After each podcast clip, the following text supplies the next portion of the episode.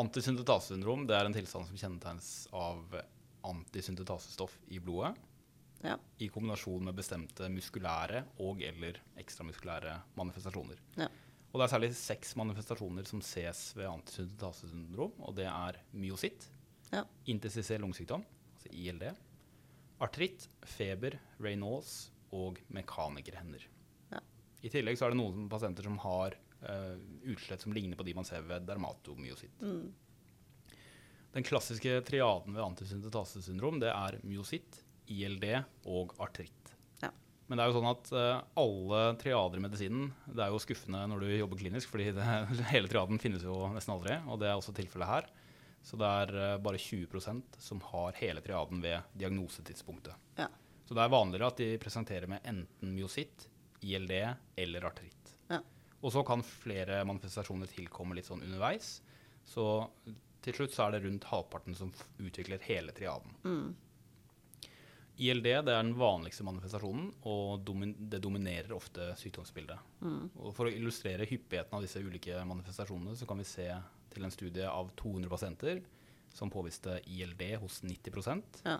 myositt hos 70% og artritt hos 60 Mm.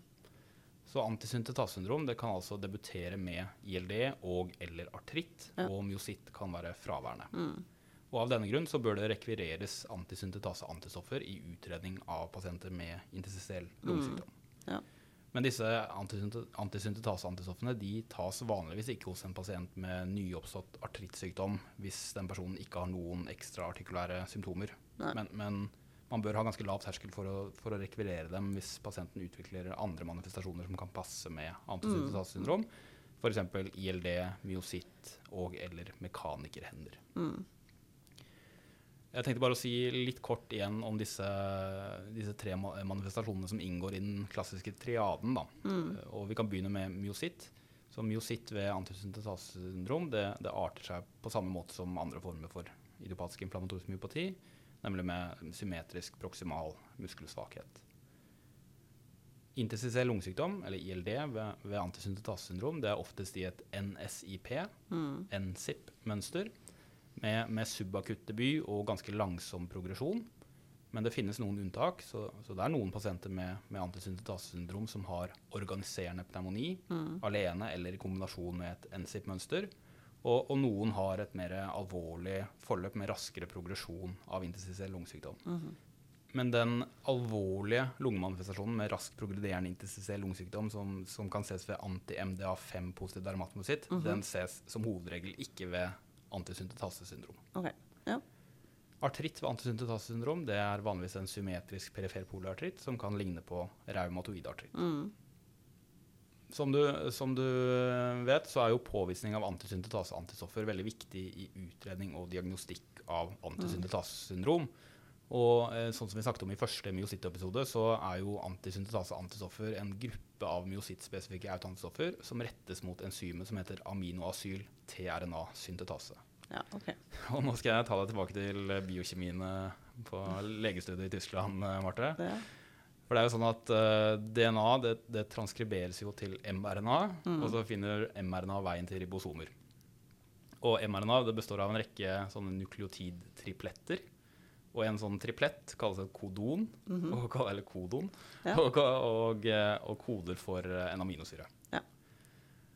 Og tRNA det er molekyler som består av en matchende triplett. Det kalles et antikodon. Ja. Og til tRNA-molekyler så festes den respektive aminosyren som mRNA-tripletten koder for. Ja.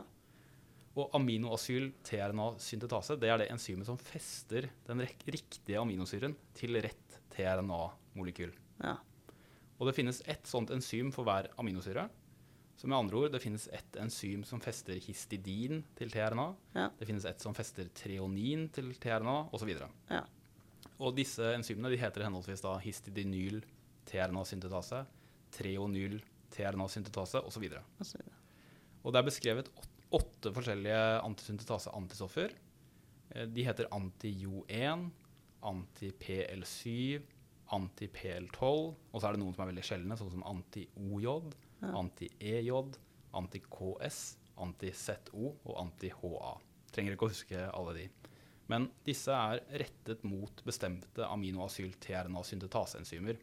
Så for så er anti-Jo1 rettet mot histidinyl-TRNA-syntetase, mens PL7 er rettet mot treonyl-TRNA-syntetase. Okay. Og det finnes 20 forskjellige aminosyrer, og dermed også 20 forskjellige aminoasyl-TRNA-syntetaser. Og trolig så finnes det derfor også 20 forskjellige antisyntetase-antistoffer. Ja. Men foreløpig så er det altså bare åtte som er tilgjengelige for testing. Mm. Og en pasient med antisyntetasesyndrom tester kun positivt for ett av dem. Ja. Og anti-Jo1 er det desidert vanligste antisyntetaseantistoffet. Det, er, det er faktisk det aller vanligste myosittspesifikke antistoffet av, av alle. Mm. Uh, Anti-PL7 og anti-PL12 det er også relativt hyppig forekommende, men, mens de resterende antisyntetaseantistoffene er veldig sjeldne. Mm. Og antisyntetasesyndrom det er en, eh, du kan si at det er en mindre, eh, mindre heterogen tilstand enn dermatomyositt. Mhm. Men likevel så ser man noen kliniske forskjeller blant de ulike antisyntetaseantistoffene. Okay.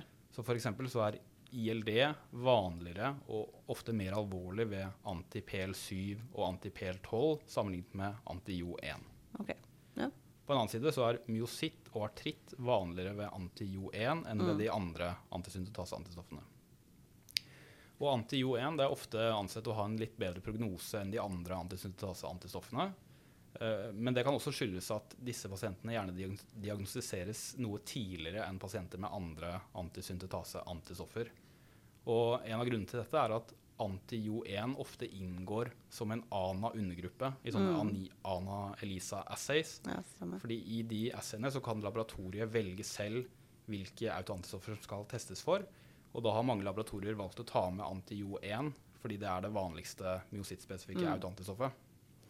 Mens disse andre antisyntetaseantistoffene de kan vanligvis kun påvises med sånne myosittblått, som vi Ja. snakket om. Og siden det tas veldig mange flere ANAR enn det tas myosittblått, så kan man jo se for seg at anti-Jo1 fanges opp oftere og tidligere enn de andre, eh, andre antisyntetaseantistoffene. Ja, det er logisk. Men der det brister litt for meg nå, det er når du sier at ild 90% av ild, altså det er lungesykdom. Mens antio er ikke like ofte assosiert med det, men det er likevel det hyppigste antistoffet. Ja. Er du med på tanken min? Mm. Ja, altså For da skulle egentlig, hvis uh, Var det PL7 mm. og PL12? Ja. Ja, men da tror jeg du misforsto meg, fordi eh, jeg sa at eh, jeg mente at anti-PL7 og anti-PL12, da er ILD enda vanligere enn anti-Jo1, mens ILD er fortsatt veldig vanlig ved anti-Jo1. Ah, Ja. Så anti-PL7 og anti-PL12 har bare enda hyppigere forekomst av ILD. Okay. Og den ILD-en hos dem er vanligvis enda mer alvorlig enn den som ses ved anti-Jo1. Det er med. positiv Ok, antisyntetaseantistoff. greit.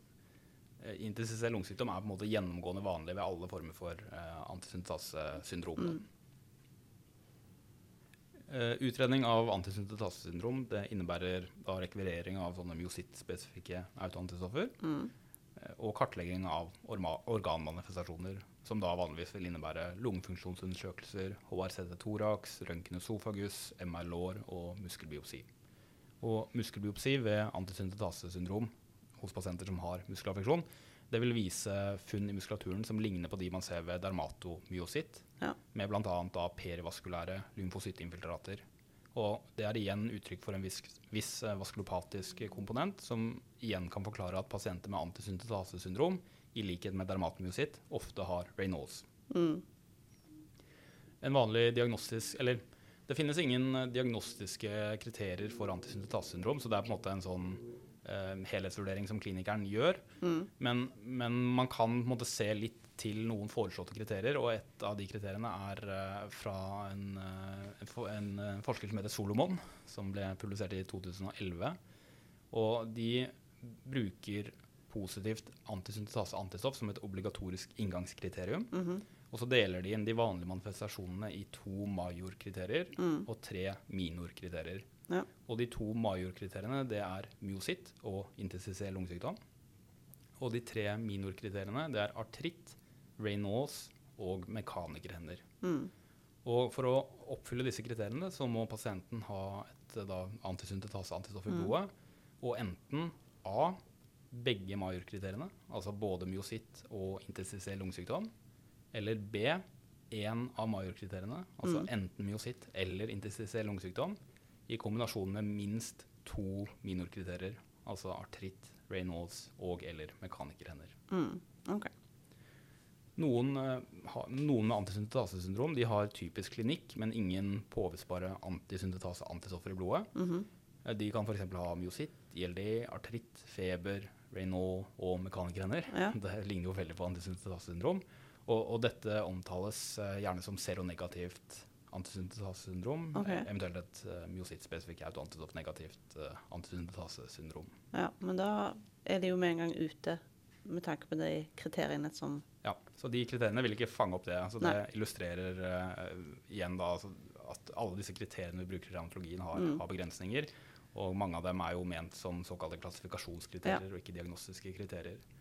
Men disse fins, som har Ja, de, de, triaden, men ikke påvisbare antistoffer. de finnes, men det er veldig sjelden. Og eh, jeg vil jo anta at de fleste av de har jo sannsynligvis et antisyntetase-antistoff mot en av de tolv aminoasyl-TRNA-syntetaseenzymene som på en måte foreløpig ikke er tilgjengelig for testing, da, Ja. vil jeg anta. Eh, Etter diagnosen er stilt, så kartlegges eh, sykdomsutbredelsen hvis man ikke allerede har gjort det. Og siden pasienter med antisyntetasesyndrom kan utvikle flere manifestasjoner over tid, så bør man jo selvfølgelig da også gjenta utredning dersom det kommer nye relevante symptomer. Så for så viste en studie at over 60% av de som ikke hadde interstitiell lungesykdom ved baseline, utviklet det utover i forløpet. Ja. Som nevnt så gjennomføres malignitetsscreening for alle pasienter med nydiagnostisert idiopatisk inflammatorisk myopati.